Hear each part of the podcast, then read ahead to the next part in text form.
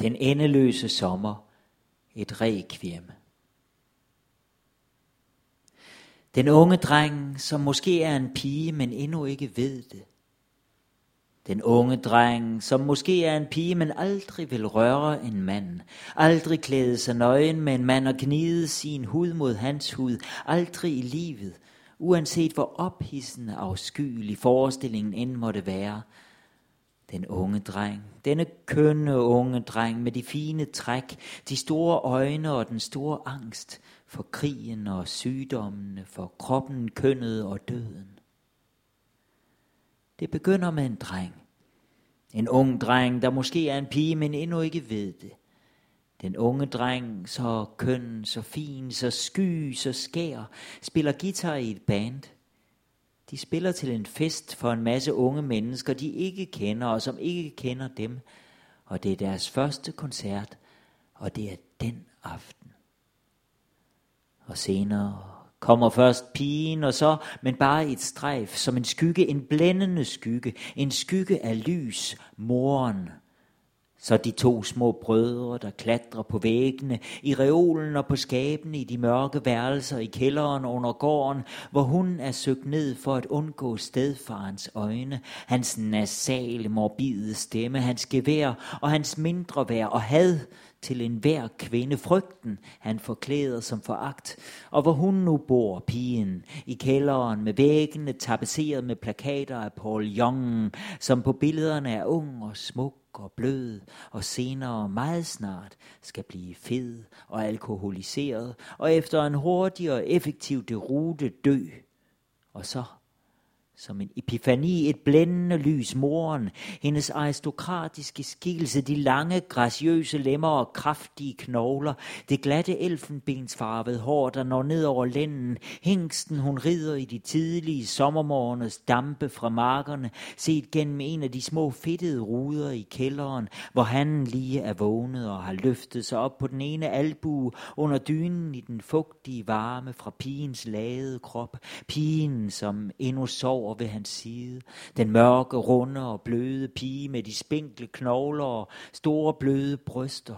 Den evigt lade livsnyderen og den aristokratiske, lyse, nordiske mor. Hendes ranke ryg og dampen fra hestens slimet bløde næsebor. Og så, uden varsel, stedfaren, en tilfældig formiddag alene i det store landkøkken, den spinkle unge dreng og stedfaren, der sætter sig over for ham og begynder at fortælle om våben, geværer, pistoler og ikke mindst kuglerne, og især dum-dum-kuglerne, deres magiske effekt, det næsten usynlige hul i huden her, lige i solar plexus, hvor kuglen går ind nærmest sporløst, og i det den trænger ind i mørket, eksploderer sig ud og efterlader ryggen, eller det der engang var en ryg som et stort, trævlet, blødende krater.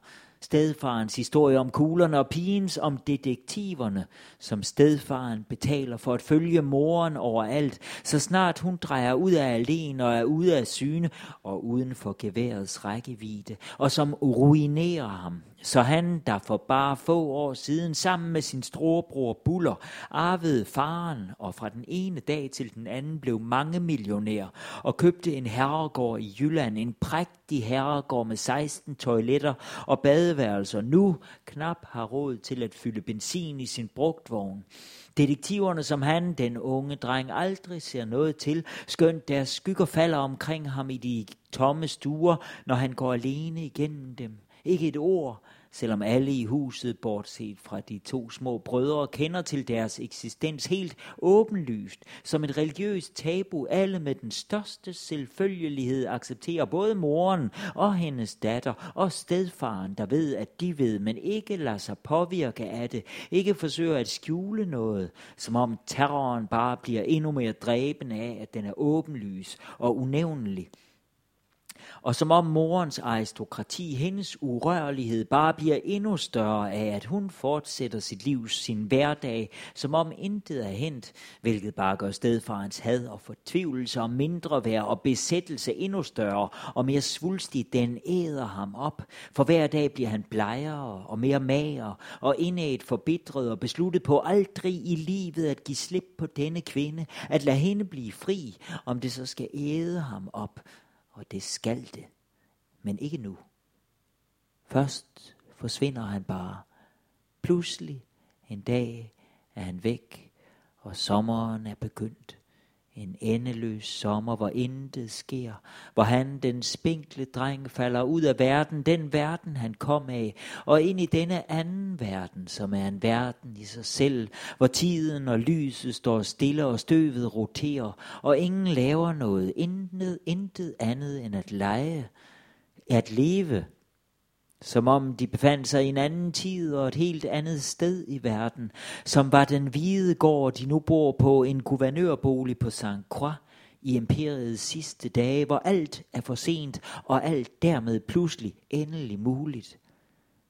Moren tilbringer dagene på ryggen af sin hængst og kommer først ind med mørket og sidder i køkkenet med et glas vin, omgivet af sterinlys, og pigen og den unge dreng ligger i sengen til ud på eftermiddagene og står aldrig virkelig op, men går omkring i huset i hinandens tøj.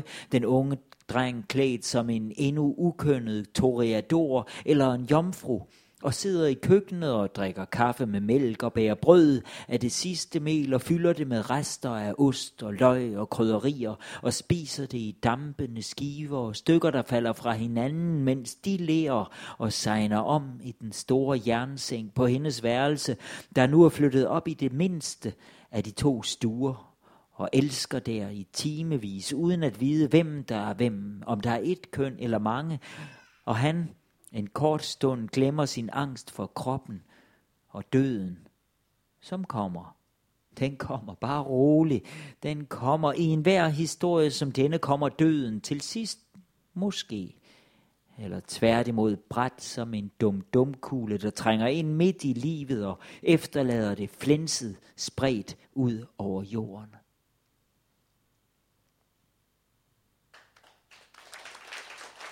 Tak skal I have. Mange tak, Madame Nielsen, og velkommen Mange til Blå. tak også til dig, og velkommen. Tak fordi, at du ville have mig som Absolut. Til enhver tid. samtalepartner. Til enhver tid, ja.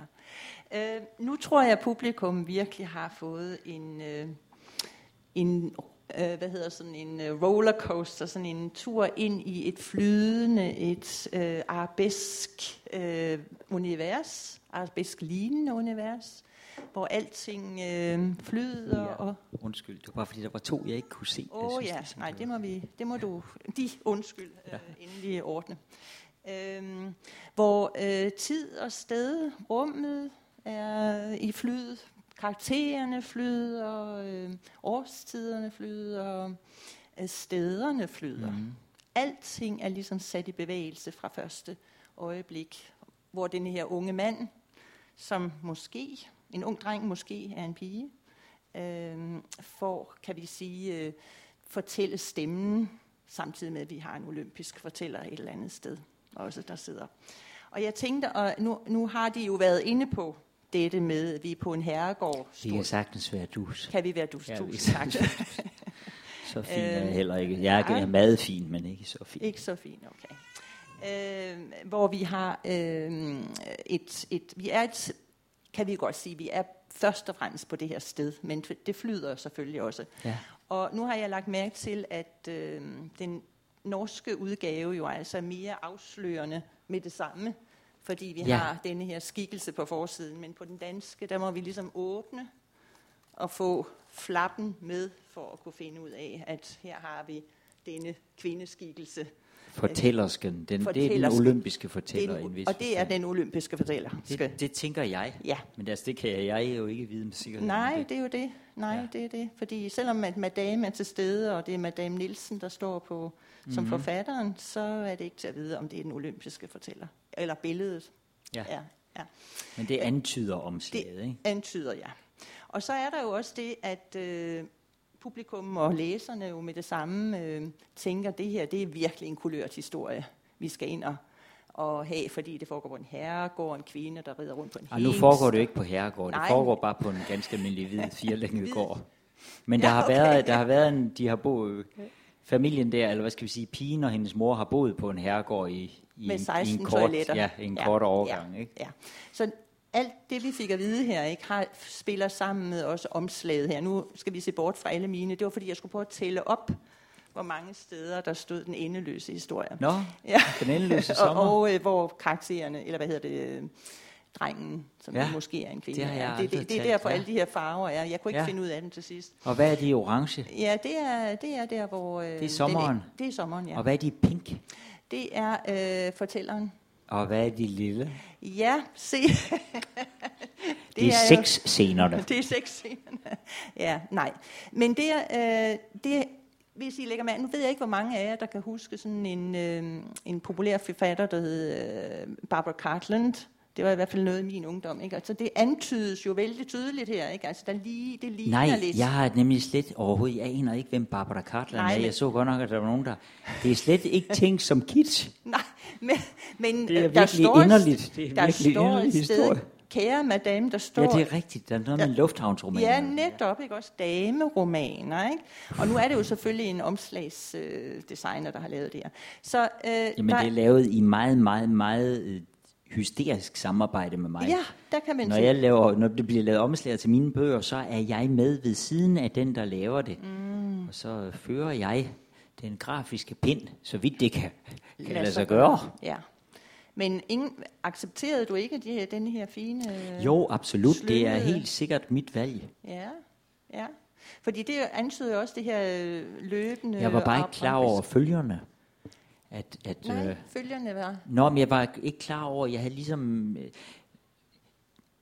Når man gør noget her i verden, i hvert fald når jeg gør noget her i verden, så gælder det jo om at gøre et eller andet, som, som man ikke selv kan være, som er helt fantastisk præcis, men hvis konsekvenser man ikke kan overskue. Nej.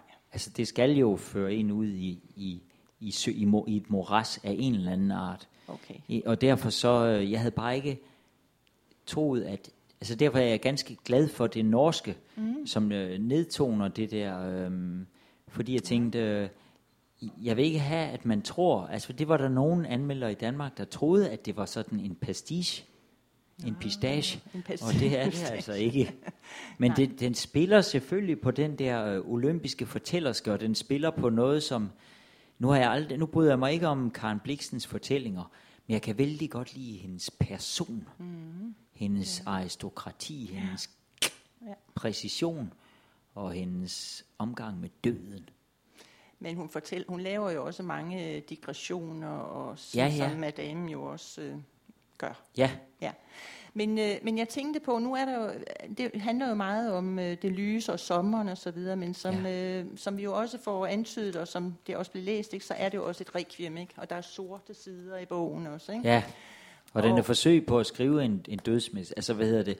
Det er et forsøg på at, at skrive fortællingen som musik, fordi jeg altid har tænkt, øh, jeg elsker, hvad hedder det, Ligetis Requiem og Mozart og Verdis og Britain's War Requiem og alle Posadas Requiem.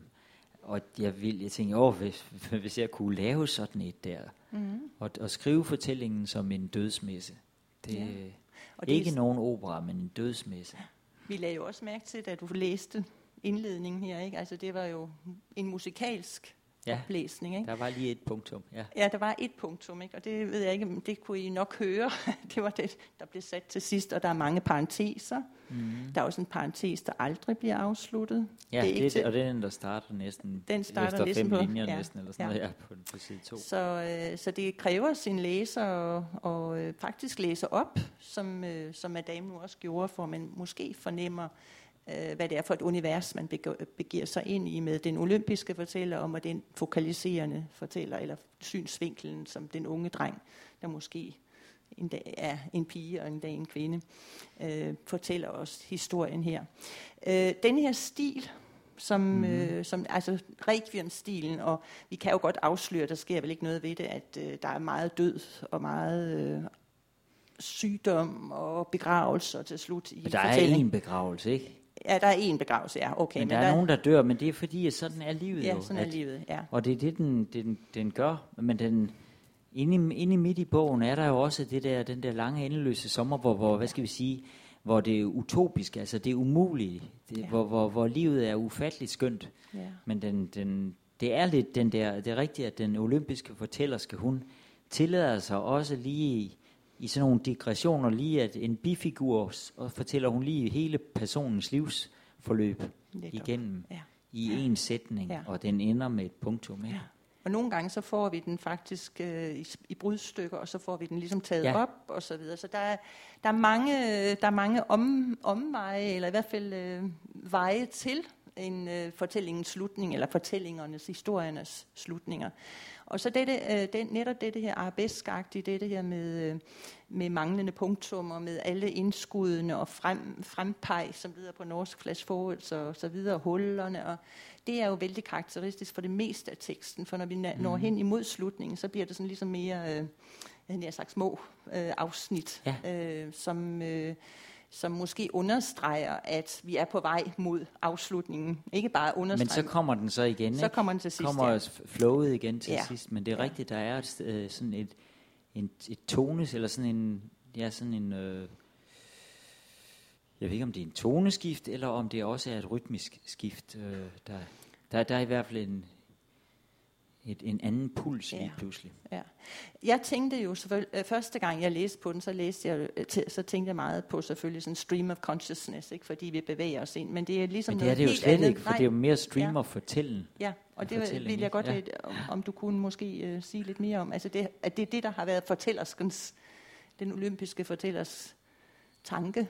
Ja, altså i- forførelsen, altså at man, og heldigvis er der, jeg har mødt mange læsere, som har, har li- ligesom tænkt, at de skulle, de ville starte på at læse den her i aften, og så har de læst, så har de været nødt til at læse den til ud på natten, fordi, mm. øhm, fordi den er så god. Nej, men fordi at den, den ligesom, det er svært at finde ud af, hvor man skulle holde en pause i den, mm. og, det, og det vil jeg gerne have, at den bare suger en ind, og det, og det er jo, altså stream of consciousness havde jo også at gøre med en bestemt forestilling om, at sandheden var menneskets, og jeg har aldrig troet på, at, at det her såkaldte stream of consciousness havde noget med, med altså det, at andet end, altså det er jo mere bare en stil, det er jo, det er jo ikke en, øh, det er jo ikke sådan bevidstheden fungerer, vel? nej. Så det er jo en, en og, og, det, og det interesserer mig ikke at gøre det, men jeg er interesseret i det musikalske, og jeg er meget interesseret i fortællingen faktisk. Ja. ja. Det, er tydeligt, det synes jeg er tydeligt. Ikke? Og i en skæbnefortællinger, vis fordi det er jo ja. en række skæbner, vi møder Ja, her. ja. Ikke? Ja. Men jeg tænker også, at den endeløse, historie, øh, endeløse sommer er jo også øh, evighedssommeren. Ikke? Ja, Og, øh, og det vil sige, at den her væren, som vi fik antydet, ikke? de fleste befinder sig i i denne her periode. Inden da har vi, har vi en masse efterår. Ikke? Ja. Altså vi får efterår, efterår, efterår, og så kommer den, Ja. og så kommer den, og så bliver den afbrudt, og så bliver den alligevel den ind, altså hvor alt flyder, kan man sige, ikke? Altså alle dagene går og så videre. Og så kan man jo sige, at den afsluttes jo med, øh, som også øh, fortællersken siger, ikke? med denne her død øh, som den unge, smukke, vidunderlige, smukke mand øh, øh, repræsenterer helt klart, ikke både som Ja. ikon, og, men også som re- helt reelt. Og det handler jo så også lidt om, øh, hvad han er for en type. Hvilken, kan, kan du forklare lidt, hvilken type han er? Altså, den tænker ikke Ja. på, at han er humse, men altså han... øh, må, hvad- må jeg simpelthen lige læse Ja, et lille ja. stykke? Ja, fordi det er han jo i og for sig ikke nogen Nej, humse, vel? Han nej, er jo bare et, han en mulighed. ja. Han ved ikke, hvem han er. Nej. Øhm, det, det, det dukker op nogle gange. Når, når menneskene, når personerne dukker op, så bliver de tit karakteriseret. Og så når, når de bliver sluppet igen, øh, de bliver lige grebet et øjeblik, og så bliver de lige vendt et par gange i sætningens slyngning, og så kastet ud igen, sådan lige sluppet. Og så senere kommer de ind i bevægelsen igen, og så bliver der sagt noget mere om dem, eller rettere sagt, de menneskene er temaer, som hele tiden varieres, når de dukker op igen. Det lyder sikkert vældig... det, det lyder jo så, så rigtigt. Altså, det, det, er, det er vældig stor kunst, og det, er, hun, det er ligesom bliver grebet, og det bliver slynget rundt, og det er vidunderligt, så de må jo undskylde. Nå, nu vil jeg lige sige noget om ham her. Han, Han hedder Lars. Lars, ja. Den danske Lars, den ariske Lars. Og alt muligt. den Mens du nu, så, så har vi Ja. ja. et andet Mads. Ma- Vi har et andet godt dansk navn, nemlig Mads, som jo også øh, Som er denne her stedfaren der, ikke? ja. Og som øh, vi har jo begrebet, du må kalde mig Mads, som er, øh, hvis jeg kan spise min hat, eller jeg kan gøre noget andet, hvis det er det her ikke er Ja, sandt. på dansk. Ja, det Ja. hedder det også det på norsk. Det ved jeg faktisk ikke. Gør det det? At kalde, sig, kalde en... Du må kalde mig Mads, hvis dette ikke er sandt. Jeg tror ikke, vi har på norsk. Eller I har. Eller det. Nu begynder jeg også at blive forvirret. Ja. Men Lars... Um, mens andet alt endnu er muligt, skal vi have alle personerne at se, for der er allerede flere, og flere skal dukke op undervejs. Hovedpersoner og bipersoner, men først og fremmest den anden unge dreng, som egentlig er den første, og har været her længe inden den spinkle, åh så følsomme, trådte ind. Den velskabte Lars, pigens bedste ven og fortrolige. Han ligner den spinkle. De kunne være brødre, og netop som brødre hinandens modsætning. Den fine og sårbare over for ham, den sunde og raske Lars, idealet af en ung mand, høj og lys og med en atletisk krop og smukke hænder med lange fingre, der ser ud til at kunne alt, spille tennis og håndbold og klaver og ubesværet gribe og holde skæbnen, den lynende fremtid, som var den ikke en gave, men den mest naturlige ting. Voilà! Han er en hver svigermors drøm, og sikkert også tantens moster Janne fra Amerikas, hvis hun da ikke allerede har set og gennemskuet ham, at han lider af den samme fatale dogenskab som niæsen, men uden som hende at være i stand til at nyde den. Tværtimod, som en hver anden gave, skal han lade den glide sig af hende, ugideligt og med et suk lade den gå tabt. Og han, der ser ud til at være den sunde af de to unge drenge, den, der bærer fremtiden i sine hænder, skal være den første, der giver slip på det hele og dør, ikke som i et melodrama i en dødskørsel gennem skoven eller parcelhuskvartererne, men langsomt give sig hen i den søde kløe, som er sygdommen til døden. Ja, der var lige også en lille hilsen til forskellige andre kendte danskere, eller i hvert fald en anden kendt dansker. Øh, sygdommen til døden. Ja. Søren, Søren Kierkegaard, ja. Og i og sig også til... Nej. Og den søde kløe. Nå ja, men og Marguerite Duras har Ja, en... Øh, ja.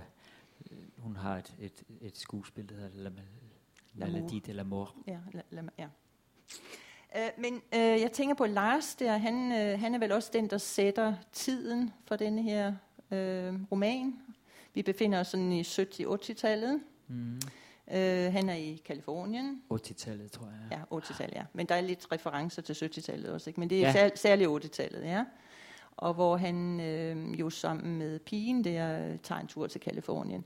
Men det, men det er mere den der dødsscene, vi har til sidst, jeg egentlig helst, jeg gerne ville hen på. Ikke? Fordi Ja. der beskriver madame ham jo som øh, et ikon, hvor han ligger, jeg tænker på Men- Benetton, øh, reklamen, ikke? Ja.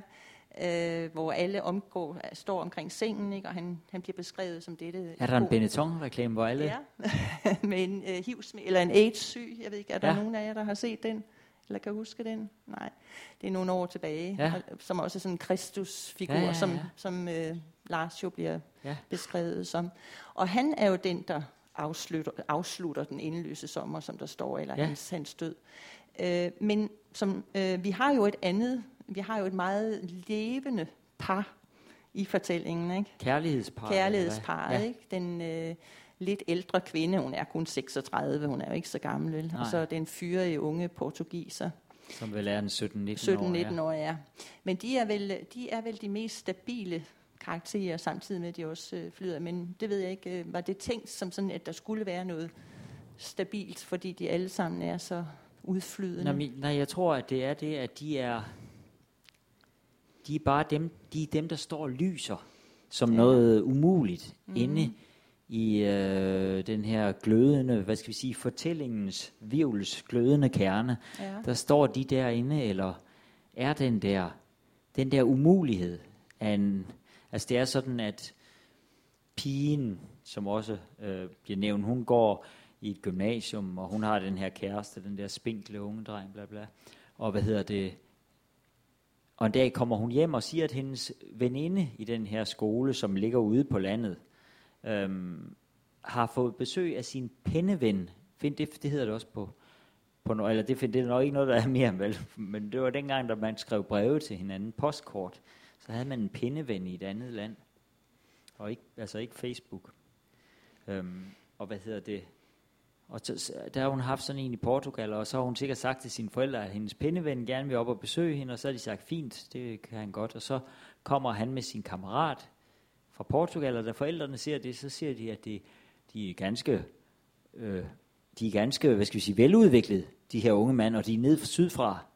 Så de skal ikke have lov at bo, altså de kan ikke få lov at overnatte. Så lige pludselig så har de ikke noget sted at sove om natten, og det siger hun så, kommer hun hjem og siger, og så siger moren, øh, ring til dem og sig, at de kan komme her og sove en nat eller to, og det gør de så.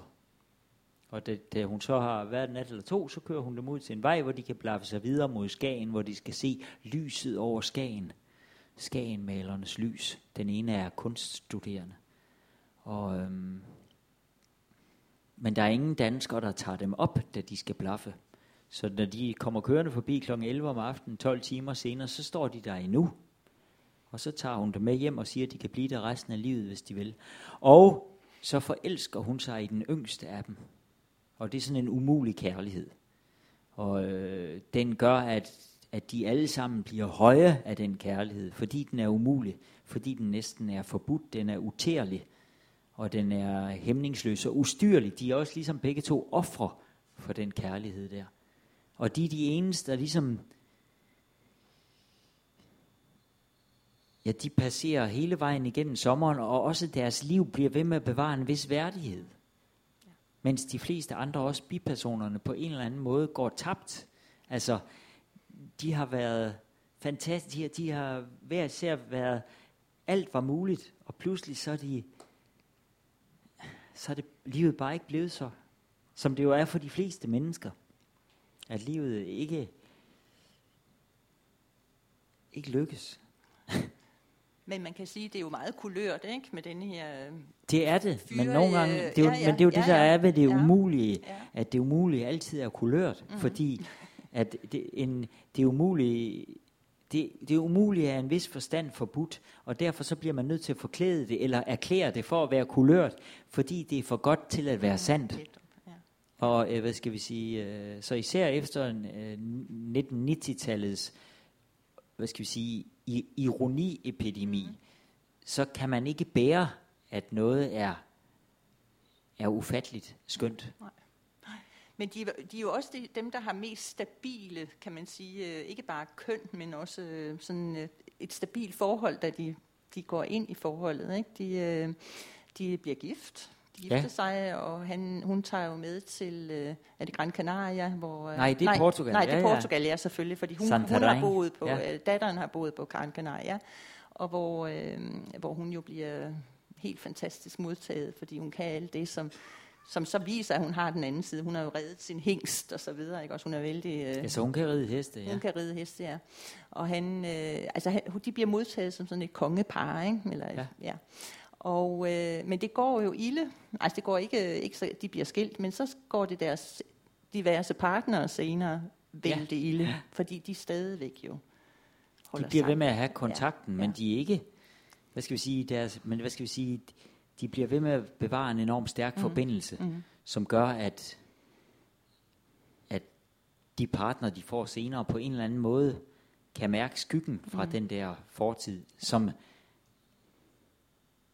ikke som en eller anden ondskab fra personen, eller en utroskab, men simpelthen bare som noget, der ikke er til at bære, at den anden har stadigvæk. Mm. Ja. Men det, at, men at det, den anden overhovedet har oplevet sådan noget. Nej, du ja. må gerne også afbryde mig. Jamen, jeg tænker på, fordi det, det er sådan i det her flydende univers, eller det uh, ubestemmelige, uh, kronotopiske tidsrum uh, sted, ikke? så er det sådan nogle karakterer, man ligesom på en måde uh, læser med, ikke også, når man går igennem det her, uh, mm-hmm. går igennem alle disse forskydninger og, og forsvindinger og tilbagekomst og så videre. Ja. Der er, der er, det, det er på en måde det mest stabile. Ikke? Og når ja. jeg siger det med kønnet, er det også fordi, som du netop indlæste, ikke? altså den her unge dreng, som måske er en pige, og som senere så bliver omtalt som en spindelvævstyv. Ja, øh, og men det er rigtigt, at der, der er alle de andre unge, de er ligesom ubestemte. Ja. Både, ja. Hvad, ikke sådan, at, at nogle af dem er selvfølgelig mere bestemt køn end andre. Altså det er ikke sådan, at alle, det ikke, på den måde handler det ikke om sådan noget gender studies eller, Nej. eller andet. Nej. Det, og det er heller ikke sådan, at de alle sammen øh, er muligvis er kineser og øh, sorte, et, et eller andet. Altså det er ikke, på den måde er det ikke øh, helt øh, øh, politisk i orden. Øh, men hvad hedder det? Det, det, de, det er jo, altså moren der er en kvinde, og ham der, den unge dreng der, den unge portugiser, har også sådan en, han kommer også fra en helt anden baggrund mm. end de andre. Mm. Han kommer ikke fra en eller anden middelklasse baggrund, men kommer fra sådan et gadeliv nærmest, eller sådan noget, ikke? Eller i hvert fald sådan den fattigste del af det portugisiske samfund. Og han har ligesom helt med det samme en, en helt vidshed om, hvad det er, han skal. Mm. Og hvad han gør. Og, og øh, måske ikke, hvem han er, men han har bare en, en, en tilstedeværelse, som er uden tvivl. Netop, ja. Jeg tænkte jo på, om jeg kunne få lov til at, at flytte os lidt ud af bogen et, et øjeblik, ja. øh, fordi øh, dette med øh, den flydende kønsidentitet er jo noget, som øh, La Nielsen, Madame Nielsen, Sister Nielsen har øh, været optaget af de seneste 3-4 Nej, det er nok to-tre år. To-tre ja. år, ja. ja. Tre år vel, det ja, ja, fordi det startede vel egentlig øh, med... Øh, øh, efter denne her navneceremoni, øh, hvor, hvor The Nielsen Sisters kom på scenen, kom på banen. Ja, det var i, i 2012, ja, en gang i, ja. i maj. Ja. ja. Og, øh, efter at jeg havde været navnløs i 10 ja. år, og havde arbejdet i deres bækværk og havde ja. udgivet bøger under navnet først Claus Bæk Nielsen og senere der clausbæknielsen.net og så deres bækværk og så bare Nielsen.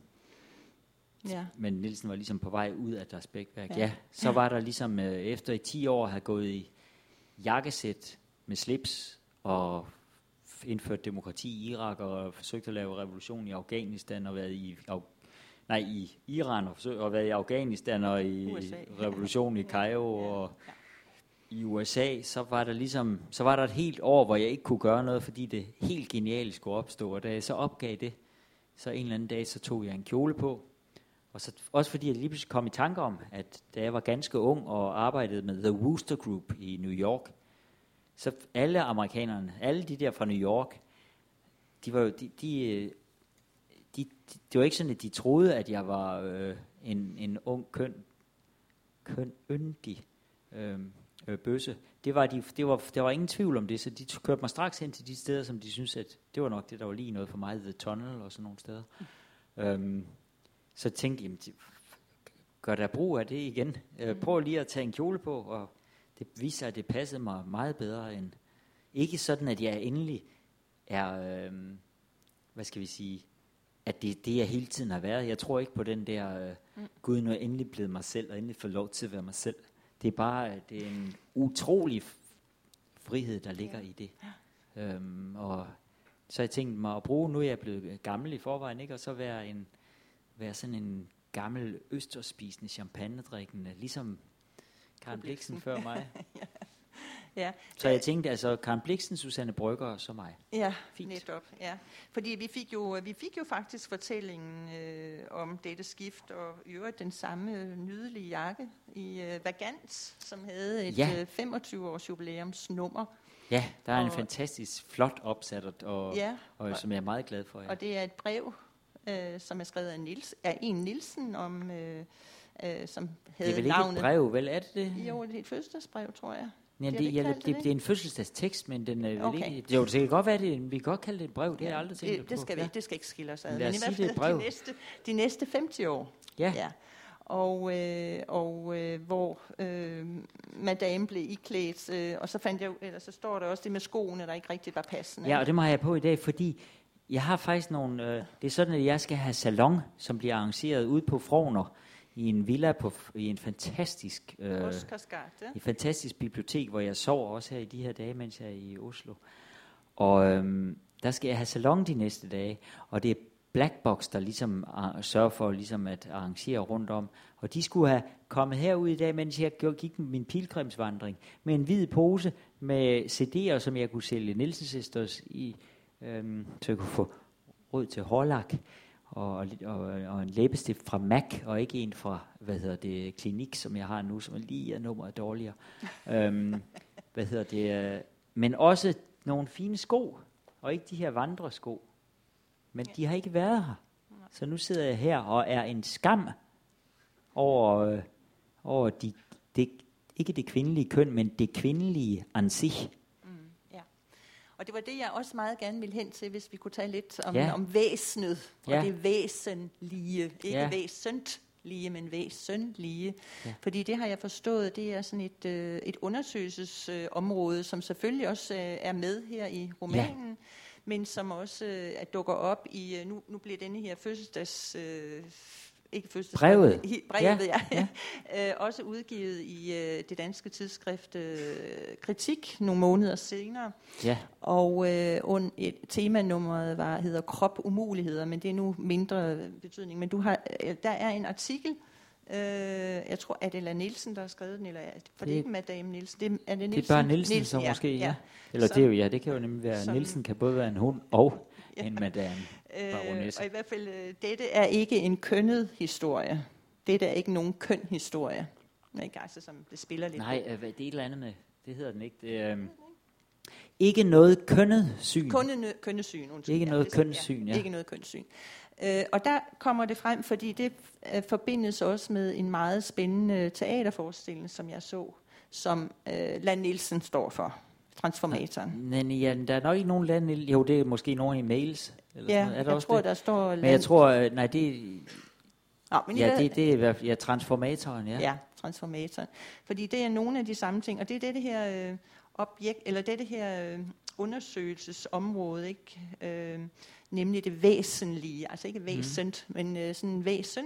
Og der har jeg sådan, øh, der fandt jeg sådan et øh, citat, som også var med i øh, programmet, hvor øh, og det, altså det handler jo ikke, ligesom det også blev nævnt her øh, i, i indledningen, det handler ikke om at have en, en anden lyst end øh, en, en, en mandlig lyst, men i hvert fald det her er det en, det er et væsen, der befinder sig i, i et sted i udkanten, i kroppens atmosfære, og samtidig inderst i bevidstheden. I det punkt, bevidstheden tænker sig og verden fra, og uophørligt tænker sig ud af, men ikke aldrig kan se, og som den derfor må tænke og tale og skrive om, om og om igen, eller overlade til kroppen at forsøge at æde, elske, knippe, arbejde, gå, danse, performe, ryge og rejse sig ud af kønnet, ud af kønnet som en selvfor, et selvforglemmelsespunkt, der ikke aldrig er endegyldigt maskulint eller feminint, men altid bare er muligt. Ja. Og det ligger jo også, altså mulighederne ligger i øh, den endeløse sommer, men det ligger så også i det undersøgelsesområde. Og nu er det jo øh, ved at være nogle tid siden, at denne her undersøgelse mm-hmm. er sat i gang. Er du kommet lidt nærmere dette væsen? Jamen, jeg tror aldrig, man... Jeg, ved ikke, jeg tror netop, det er det, der er, at man aldrig kommer nærmere, at det bare bliver ved med at være muligt, og Ja. at det gælder om faktisk at holde den mulighed åben mm. hele tiden. Ja. Så det er mere det, og så forsøge hele tiden at folde den ud på andre måder, og det, det forsøger jeg at gøre. Mm. Øh, og, og forsøge at, altså på, i salongerne, der har jeg sådan, øh, det, som jeg, jeg rejser rundt med den salon der øh, i Skandinavien og i Tyskland forløbig, gerne også til Grækenland og Ungarn snart. Øhm, og der har jeg hver aften, efter at have underholdt en time eller halvandet, så øh, hvad hedder det, har jeg en, et særligt fra, fremragende fruentimmer, med hvem jeg diskuterer den der verdens kvindelige fremtid. Så hvad skal vi sige? Det er både en dialog, Whoop. og så er det en, en, en, en livsundersøgelse, altså en leve, en, øh, at undersøge det med sit skrivende, levende og så videre. Der stod også noget med at knalde, ja, det ved jeg ikke, ja. og ryge og rejse. Mm. Altså simpelthen den der en bevægelsens, øh, ikke nogen, ikke nogen buddhistisk, altså ikke nogen me- meditativ, men faktisk en meget aktiv, altså en, en, Ja. en væren i bevægelse. ja, det er jo noget andet end metafysik. Ja, ja, ja. Eller hvad? Nej, men den spiller også med, helt Ja. sikkert. Ja. Fordi hele, hele spørgsmålet om væren og væsen og, og øh, bevæge sig, være dynamisk, og, men inden for det timelige over for det evige, ikke? det endeløse, ikke? er jo også øh, med i, romanen og i det hele taget i, i alt, hvad du du gøre, ikke? både i sangene, te- sangteksterne i din forestilling, Transformatoren, ikke? som mm. øh, handlede om kan, en krop, der kom ind, jeg må lige bare fortælle kort, ikke? Ja, ja. en krop, der blev kørt ind i en montre, som, øh, hvor vi som publikum blev mere og mere sådan forfjamsket, fordi den sad i denne montre. Og så, Den var øh, bare udstillet i kvarters ja, tid, ja. ja, men det var vældig sådan, øh, folk lå og vidste ikke, hvad de skulle gøre, øh, sad og kiggede på den, ikke? Øh, og øh, så blev den kørt ud, og ind kom Karen, en Karen Bliksen gestalt og startede med at fortælle historier, og så ja, kom man det, ind. det ved ikke, om det var Karen Bliksen, vel, men den, Nej, der i, var i hvert fald... i klædt gevanter, som lignede vældig Ja, ja, det meget. Ja. ja. og så ind og, øh, og se forskel, altså at sætte transformationer i gang med Medea, Antigone, øh, Ophelia og Michael Jackson, så vidt jeg husker. Ja, Og som alle sammen jo er sådan også, hvad er det for nogle øh, kvindeskikkelser? det er meget radikal kvindelighed Ja, alle ja, sammen. ja. Og meget Og det- risikabel kvindelighed alle Ja. sammen, ikke? Netop, ikke? Altså, de sætter virkelig øh, kvindeligheden, men også livet på spil. Eller Ja. ja. sat. Men der tænker jeg også, at de her uafgørlighedszoner er jo ikke noget nyt i Nej, kunstnerskabet, men, Nej. øh, men netop nu er der, det virker som om, der er sådan en vældig fokus ind på, på Ja. det kvindelige væsen her. Jamen, det ikke? er der helt sikkert. Og jeg kan også sige, at hvad hedder det, der på, i Danmark kommer der en ny roman til, til maj måned sikkert næste år. Og den, den, er, den er også, det er også en skrevet af Madame Nielsen. Altså der, der, der kommer, der, lige for tiden er der en vis stabilisering, mm. men øh, den bliver jo sikkert også ødelagt. Jeg ville ønske, at jeg fra nu af, at der fra nu af kun kommer Madame Nielsen romaner, og at jeg kan få lov til at være en gammel hejre, lige indtil jeg bliver gravet ned.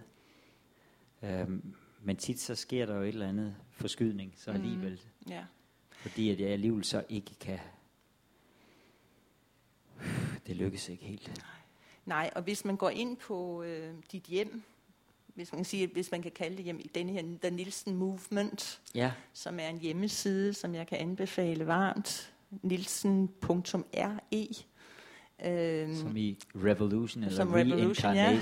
Eller så er det The Nielsen Record. Movement, der lever der, eller bevæger. Og der, hvis man skal følge med der, så skal man faktisk ind hver dag, fordi hver dag sker der et eller andet. Nielsen er på... det tror jeg ikke. Men nå ja, altså det, der, i kalenderen gør der, ja. Ja, fordi Nielsen er i Tyskland, Nielsen er i Frankrig, Nielsen er i Ukraine. Madame øh, La Nielsen som øh, Angel of the Universe er i Ukraine. Miss World, ja. Miss World. Øh, og, øh, og så har, nu, nu fik jeg ikke helt, øh, fordi den seneste bog er jo, øh, Da Gud var dreng. Ja, som, øh, Sankt Nielsen. Ja. Sankt Nielsen var det, ja. ja, det er rigtigt. Så, Så- på den måde er det allerede ødelagt. Der er også en helgen. det var det, jeg ville... øh, Det var, ja, der er nemlig også en fader Nielsen, ikke, som var i øh, Ukraine. Ikke? Ja, det Så var det- fordi, at, at jeg ikke kunne få nogen ukrainere til at rejse med mig helt til Donetsk, når, når jeg var i hvid kjole med, et- med et blåt bånd, hvor der stod Miss World. Det var der ingen af de ukrainere, jeg... Jeg havde ikke noget imod det, og de, Nej. og de tog med mig til Slaviansk og til Donetsk. Men så måtte, var jeg nødt til at være som Father Nielsen. Mm. Øhm, Ja, og jeg mener så, og så har teaterforestillingen var der i maj, markedet øh, på det kongelige teater. men der var jeg ikke selv med. Der var nej. du ikke selv med? Nej. Eller Nielsen var ikke selv Nej, med? jeg synes også, at der er en, øh, nu vil jeg sige, nu vil, ønsker jeg at være, i hvert fald som forfatter, Renne, vil jeg have lov til at være Madame Nielsen resten af mine dage. Mm. Men det betyder ikke, at, øh, Nej. at hvad hedder det, øh, står en herre med meget stort hår derude, var, ja, og svinger sit afkom. øh, ja, og hvad hedder det, øhm, det betyder ikke, at, jeg, at der er visse situationer, hvor det er, at det lige pludselig er på sin plads, at, at, at gribe til handling som, øh, hvad hedder det, Som, som helgen, eller, eller som præst. ja.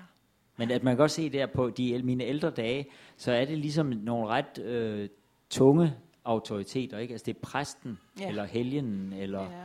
eller den her... Øh, ja, det er ikke, det er ikke småting. Der pa- er, paven. paven er næste. Men, øh, men jeg har også forstået, at øh, hvis vi lige tager den der, da Gud var dreng, er den første øh, om de store religioner. Er det rigtige undersøgelser af dem? Nej, de? for det her var kristendommen, ikke? Gud, Gud var dreng. Da Gud var dreng? Nej, Ja. det, det, det ved jeg ikke. Nej, så får jeg det- travlt der, for det vidste Ja. jeg ikke, at jeg skulle. Så skulle jeg skrive noget om... Islam og øh, jødedommen? Ja, Ja. Nej, nej, okay, ja, det har jeg meget misforstået så. Men, øh, men det er det, når man kommer ind på denne her, øh, det der hjem, The Nielsen Movement, så bliver man selv sat i bevægelse. Og man kan scrolle, og man kan gå op og ned, og man, der er links, og jeg, ved, man kan blive fuldstændig øh, Forvirret. forvirret i, øh, i Så universet. være. Øh, men jeg tænkte for at sådan lede op til, øh, til øh, det, som jo også er øh, vældig vigtigt, synes jeg, øh, i øh, denne her mm. samtale, fordi, øh, og det har du været inde på med fortællingen, ikke? så har vi jo netop øh, afslutningen på, øh, øh, på øh, den indløse sommer. Skal jeg læse den? Eller? Ja, for jeg tænkte, ja. om ikke øh, vi kunne få her, og den unge dreng, hvis, hvis du vil læse derfra, fordi så Nå, synes bare jeg, vi, det aller sidste der. Ja, øh, med Ja. mindre øh, du gerne vil læse noget mere. Fordi jeg tænkte, vi skulle lige snakke om det der. Og det vi kan Ja. lige lægge mærke til, at det er, at til sidst Men i så vil romanen... jeg læse noget længere op lidt senere, ikke? Ja, det, øh, ja. Nå. Vi skal også, jeg tror også, vi skal give publikum mulighed for lige Ja, ja, at absolut. Ja, så kan jeg ligesom ja. som en udgangsbøn, ligesom Ja. man spiller bak, når man går, så kan vi spille lidt. Ja. Jeg vil bare lige sige, at, at det, at til allersidst står der jo Paris.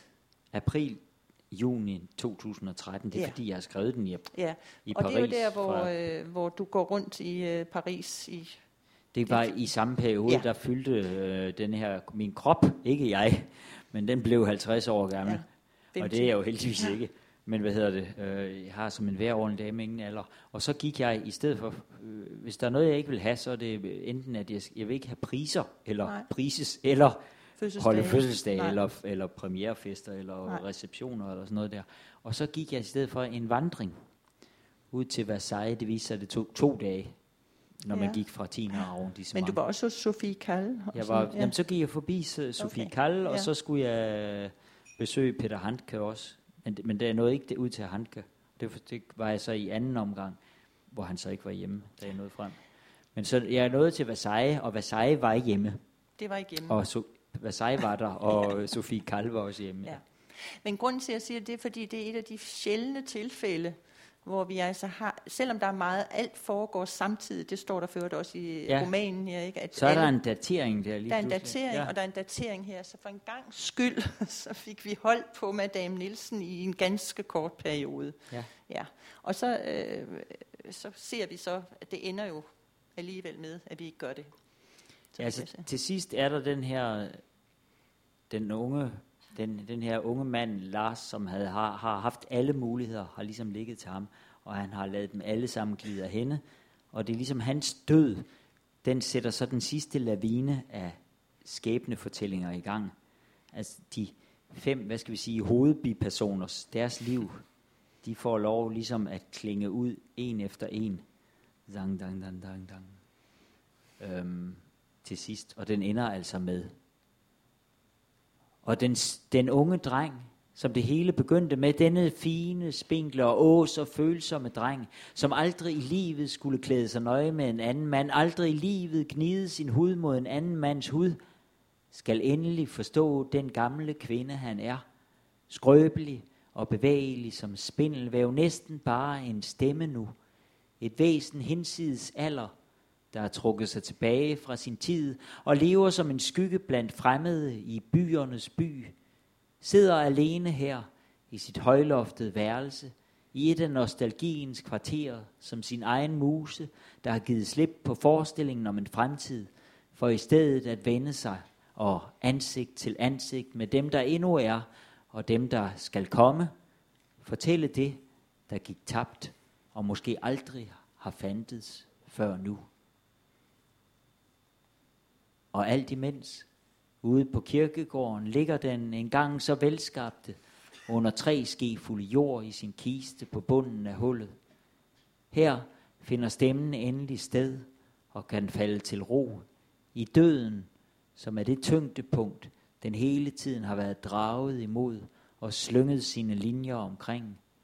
Af jord er du kommet, til jord skal du blive, af ord skal du igen opstå. Netop. Paris, april, juni 2013. Af ord skal du genopstå, ikke af jord. Mm. Og, øh, og det synes jeg jo netop er øh, karakteristisk for både det, vi har talt om, ikke med alle fortællingerne, der egentlig, altså som cirkulerer rundt her og blandes og foregår samtidig osv., at det er, øh, det er vel den det er vel der, man kan overhovedet forsøge at finde, finde nogen, noget, der ligner nogle svar, eller noget, der i hvert fald nærmer sig nogle svar. Og der ligner ja. Madame jo, øh, eller har Madame jo et projekt ligesom Karen Bliksen, selvom ja, man kan sige meget ja, ja. Om, om hende. Og ja, ja, ja. også som kirkegård og så videre. Ikke? Der er jo, jo mange, der... Jamen, det er helt sikkert. Hun havde ja. også det. Jeg mm. mig om det. Øh, det hun gjorde. Nej, det hun men altså, gjorde, altså, nej. Jo, hendes bøger fra Afrika og hendes breve og sådan noget der, men ikke hendes fortællinger. Nej, okay, det er så helt jo, ja. Men, men dette med ordet, ikke dette med at kunne formulere det med at kunne sige, øh, eller få tingene sagt, er jo forfærdeligt vanskeligt, ikke? Øh, når man nærmer. Og det kan vi også se, øh, da du skulle ligesom gengive, hvordan, øh, hvad er det egentlig, der foregår, ikke?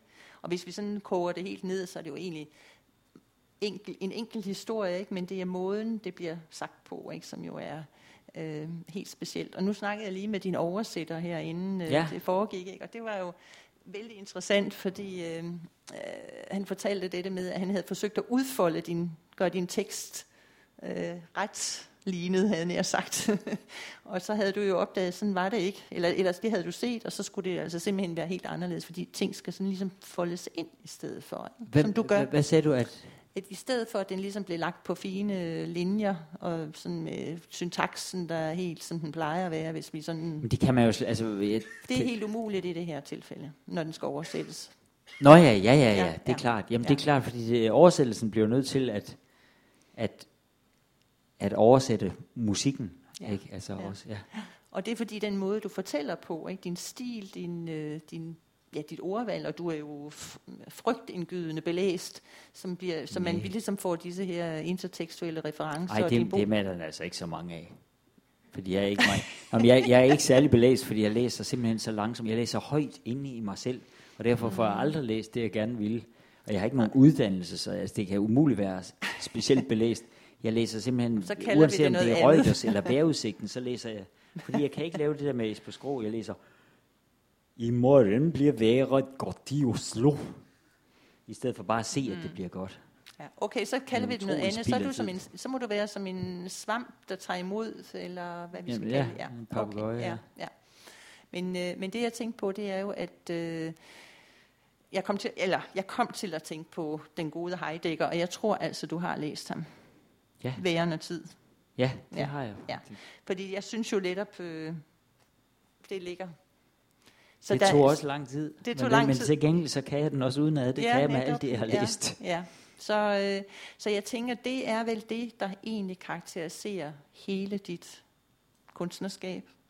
Vi er, altså, jeg skal jo ikke øh, sætte det ind i en kasse, men mm. jeg tænker, det er, øh, det er det, du øh, faktisk hele tiden er på, øh, ikke på jagt efter, men, men, men forsøger at skrive ind, om det er i øh, din tidligere dit, eller Bækværkets, Nielsens tidligere forfatterskab, eller det nye, altså også med Gud, da Gud var dreng, ikke? altså kan jeg næsten fornemme, jeg har ikke læst den, men øh, jeg kan næsten fornemme, at det også må være øh, det, der er kernen. H- hvad? Væren og tid. Væren og tid, absolut, væren og tid, ja. ja. Men ikke nødvendigvis nazismen. Nej, nej, nej, nej, nej, nej, nej, uff, nej, det, nej. Men, øh, så det, så, men det er vel helt ubevidst, altså det er ikke noget, du sådan, øhm, siger, nu skal jeg sætte mig ned og skrive. Øh, nej. nej, nej, man bliver nødt til at skrive noget, man ikke ved, hvad er. Ja. For ellers så... Øh, ellers, nej, det, det, det, man skal ikke forsøge at skrive noget, man ved, hvad er. Det kan man gøre, hvis man vil skrive et lovforslag eller et, en klage mm-hmm. til et eller andet. Mm-hmm. Øh, over at vandvarmeren ikke fungerer, så klager man til sin udlejer. Ja. Men ja, nej, men det, er, men det er helt sikkert værre, når tid betyder ja. utrolig meget Ligesom undtagelsestilstanden og ubestemmeligheds- ja, og uafgørlighedszoner. Ja. Ja. For det befinder sig jo også i, eller det kan jo også anvendes i den, ja. i den diskussion, ikke? det uafgørlige. Øh, også sproget som transformator, sprog, ja. mere ja. måske end, end sproget. Mindre end en tro på, at sproget kan gengive det, der er. Netop. Det værende så et, et, et, et, altså, øh, sproget som, ja, jeg ved ikke hvad, i hvert fald noget, en, en verden, hvis forhold til, til det, der ikke er sprog, er hele tiden er til forhandling, men hele tiden er dirrende, brændende mm. nødvendigt også. Mm. Men også sætter, sætter alting i bevægelse. Ikke? Altså, Ja. ja. Og det er jo det, øh, jeg synes, der, øh, det vil, jeg i hvert fald, det vil jeg gerne have, skal være min afslutningsreplik, før du Ja. både læser, og det er, altså, det er det, der gør, at man har meget lyst til at læse dine ting og følge med i kunstnerskabet, om mm. det er Madame Nielsen eller Sis- The Nielsen Sisters og sangene og musikken, og, som jo også har været opført her, Ja. i hvert fald, øh, og, eller dine tea- eller teaterstykkerne, eller hvad det er. Ikke? Det er Ja. jo fordi, det, dette bevægelige kunstnerskab ikke, er jo... Øh, ja, det kan godt være irriterende at skulle følge med, hvis man skal skrive om det, for eksempel. Ikke? Mm. Lidt vanskeligt. Men, øh, men øh, som gør, at øh, man... Ja, i hvert fald jeg får meget lyst til at fortsætte. Så nu øh, tænker jeg, enten så skal vi have nogle spørgsmål fra salen. Og ja. vi kan starte med, og så kan jeg spille, synge, læse et stykke musik til sidst igen. Jeg synes, nu skal, ja, hvis der er nogen, der vil har lyst til spørge at om noget, spørge eller, om noget. eller bare smide med noget, genstande eller gamle frugter. Tomater.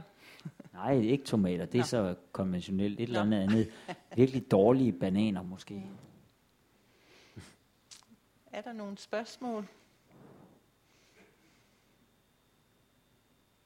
Nej, Nej. Ej, det kan fandme ikke være rigtigt. Hvordan gik det med at forstå den danske samtale? Gik det okay? Ja, det var godt. Jeg ved ikke, hvor mange der ligesom fattede, opfattede Nils øh, Madams øh, sådan lidt snobbede måde at tale på indimellem, og, og sådan lidt øh, vældig, øh, øh, som blev lidt generet, Ja, da, jeg jeg sagde, hvert da jeg sagde at knæppe og sådan noget, ikke også? Ikke? Nå, altså, ja. det, det var ikke... Nej, nej, men det var bare det, at, at det, det har jeg jo åbenbart skrevet. Ja, Og det synes jeg bare Det er var sådan det er et øh, citat. Ja. knulle betyder det. Hvis I ikke ved, hvad det betyder. Jeg tror, Ja. det var svensk. Er det de det? knipper. Nej, nej, de knipper de på knuller. tv. De knipper på tv. Jamen, det gør nordmændene også. Nå, Ja. ja, øh, det blev lidt øh, fjollet det her, men er der, er der ikke nogen, der har... Jeg tænkte på, øh, Knud, kunne du ikke... øh, Jeg synes, det var så fint, den måde, du fortalte om oversættelsen, hvordan det havde været med den oversættelse. Ja, det ved jeg ikke, om du har lyst til at udbyde. Ja, Det var en veldig morsom jobb å oversette dette her. Fordi for en gangs skyld så hadde jeg en eh, forfatter som eh, kunne norsk, og som gikk gjennom teksten ord for ord, den jeg hadde skrevet.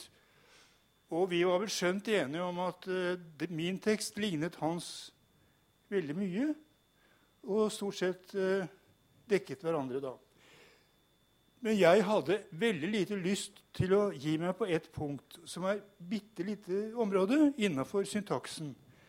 Og det er uttrykk av typen 'denne av mange lite likte eh, eh, aksjon'. Altså 'denne av mange lite likte'. Det er en, en sånn innebygd greie foran eh, artikkelen og substantivet der, som nesten er en hel setning inni. Og de som han presterer, er så lange, med utrolige innskudd inni, den der, eh, inni subjektet. Og så sier jeg det, det kan vi da ikke gjøre på norsk. Så sier han ja, hvorfor kan du ikke det, da? Så satt jeg da og tenkte en hel kveld og spurte, prøvde å finne svar. Hvorfor kan jeg ikke det? Jo, det er fordi at det er en stemme inni hodet ditt som sier det kan man ikke på norsk. Det kan man ikke på norsk. Og det er den stemmen som tilhører vaskeren. Vaskeren som går gjennom oversettelser, de sier 'Dette kan man ikke på norsk!' Og så prøvde jeg å gjøre det sånn som han hadde gjort det, på norsk. Og det ble lidderlig god norsk. Det ble helt annerledes norsk, men det ble sånn som romanen er. Nemlig et forsøk på innimellom da, å trenge alt sammen sammen til en tett, tett, tett ball der alle ting er samtidig innebygd i setningen. Altså, Det er flere personer som blir omtalt i samme setning. Det er flere tidsplan, det er flere, flere stemninger. Alt, alt skal svinge sammen, og noen ganger så må man trykke det sammen, sånn at språket skriker. Og det skjønte jeg. Denne gangen skal språket skrike litt innimellom. Fantastisk. Gi ham en hånd. Ja, fantastisk. Det, det, øh, ja for da jeg, det hørte, synes jeg er da jeg hørte, den skulle oversættes, ikke, så tænkte jeg, hvordan skal det gå? Ikke? Men Mhm. det... Ja, men altså, hvis, Mm, hvis man... Ja, det er jo utroligt. Så, hvad hedder det, så vil jeg vil lige, hvis det er, at der ikke er flere, hvis der er ikke, er der ikke nogen spørgsmål, så vil jeg, hvis ikke så, men gerne spørgsmål. Eller ikke spørgsmål, så kan godt være, at nogen bare vil sige noget. Ellers så skal I i hvert fald læse bogen, ja, men så, når, så kan du sige noget, og så til sidst læser jeg lige noget inden fra midt i noget med kærligheden. Ja, ja. det er jo altid godt. Nej, jeg vil bare sige, nu, nu reklamerede jeg for, øh, for Nielsen.revolution.re, øh, men øh, hvis man nu meget gerne vil vide noget om det, der er gået forud, ikke, så findes der et museum på nettet, som er på adressen derspækværk.com, men man kommer altså ind i et museum, og det skal I vide, at det er et overstået, det er det gamle ting, ja, ja. som ligger og det, der. det ligger der, og, som det blev efterladt, ja. Det, det, det blev, ja, og det bliver ikke øh, hverken det ene, det bliver støvet af måske engang, det ved jeg ikke helt, men ikke så ofte, men mm. øh, så man kan gå på museum, hvis man også vil det. Så det var en, øh, en øh, hvad hedder det, um, publikumsoplysning.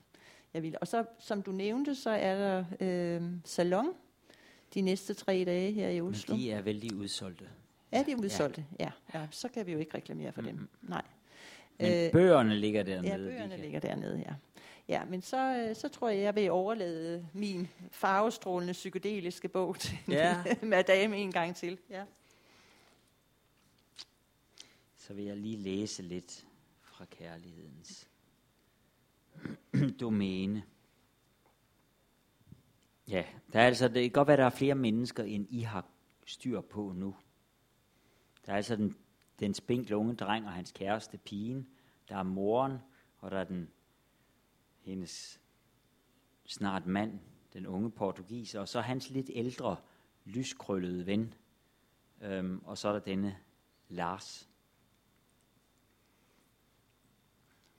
Næste morgen, da pigen og den spinkle dreng og den lys høje lyskrøllede portugiser sidder ved køkkenbordet i formiddagssolen med hænderne om hver sin kop galavn mælkekaffe og måske sludrer lidt eller ikke rigtig siger noget og venter på, at den lade, tilsyneladende så livsnydende, forunderligt velskabte Lars skal dukke op og sætte sig med sit resinerede, ligesom sukkende smil kommer moren ned fra soveværelset på første salen, som altid i den hvide badekåbe, og med det lange lyse hår ret stramt tilbage og samlet i en hestehale, og hendes øjne er blanke og blinde og lysende af vanvid. Hun laver sig en kop kaffe, varmer mælk, hælder mælken i kaffen og rører rundt med en teske. Hendes bevægelser er rolige, flydende, som om de nyder sig selv. Hun stiller koppen ned på underkoppen og bærer den over til bordet og sætter sig og ser på dem og ser igennem dem og tager en slurk af sin kaffe og smiler, ikke til nogen bestemt, og hver især ved de, at det er mig, alene mig, hun i al hemmelighed uset af de andre smiler til. Et roligt smil, vanvittigt, hemmelighedsfuldt, lysende og intetsigende, som om hun fortæller dem noget, hun ikke selv forstår. Og så er det væk som om smilet ikke var hendes, men noget, der gled over hendes ansigt gennem det. Og hver især tænker de, uden at tænke over det, at det måske bare var lyset. Skyerne, der et kort sekund åbnede sig, og bordet imellem dem glødede frem i en arabesk af lysskygge. En citron, der reflekteredes i hendes ansigt og sank ind i sig selv. Lidt senere kommer også den mørke unge portugiser ned. Også han, som han plejer, allerede påklædt, skjorten, vesten, bukserne, skoene, han om et øjeblik sætter sig ud i solen på trappestenen og pusser, hænger i to fingre fra hans hånd. Han sætter sig ikke ned hos de andre og spiser ingenting. Ikke engang en kop kaffe tager han, men det er ikke usædvanligt. Ofte spiser han ikke noget før en gang ud på eftermiddagen. Måske tager han et æble med, når han går ud på sin formiddagstur. Han ruller en cigaret, går lidt frem og tilbage og drejer cigaretten mellem fingrene. Han smiler ikke, han ser heller ikke på de andre, men han ser heller ikke væk. Han er. Og ligesom moren strålende, men ikke som solen, det er en usynlig stråling, der kun ses af de andres kroppe. En vild, voldsom og stramt tøjlet stråling, som om han alene består af pulserende blod. Og dagen går, som dagen altid gør. Moren går ud til sin hest noget senere, end hun plejer. De små brødre leger og skændes slås. De fire unge driver omkring, og han den yngste portugiser, den mørke med de smukke hænder, de lange fingre, han nydende spreder og samler og spreder igen, så man er nødt til at se på dem. Og så snart man ser væk, har lyst til at se på igen, fordi man ikke kan blive færdig med at se dem. Hvordan de spredes, så den tynde hud mellem dem spændes helt ud, vidner og samtidig samles igen. Nydende spredes og samles, sætter sig ud i solen på trappen og pusser sine sko, tager dem på, rejser sig og tager et æble fra skålen og lader det falde ned i vestelommen og forsvinder ud over markerne og vender først tilbage i skumringen. Og resten af aftenen og natten og i dagene og aftenerne og nætterne, der kommer, går de alle omkring lidt senere og lidt mere stille end ellers, uden at se på hinanden, med blikkene slået en anelse ned, glidende, undvigende hinandens blikke, hver der stille smilende, opfyldt af en næsten ubærlig fryd, men uden at de siger noget til hinanden, uden at tale om eller nævne det. Det behøver de ikke. De ved, at de andre ved, at de ved, opfyldt af en lykke, der ikke er deres, men heller ikke morens eller den portugisiske yndlings. En lykke, der er verdens lykke.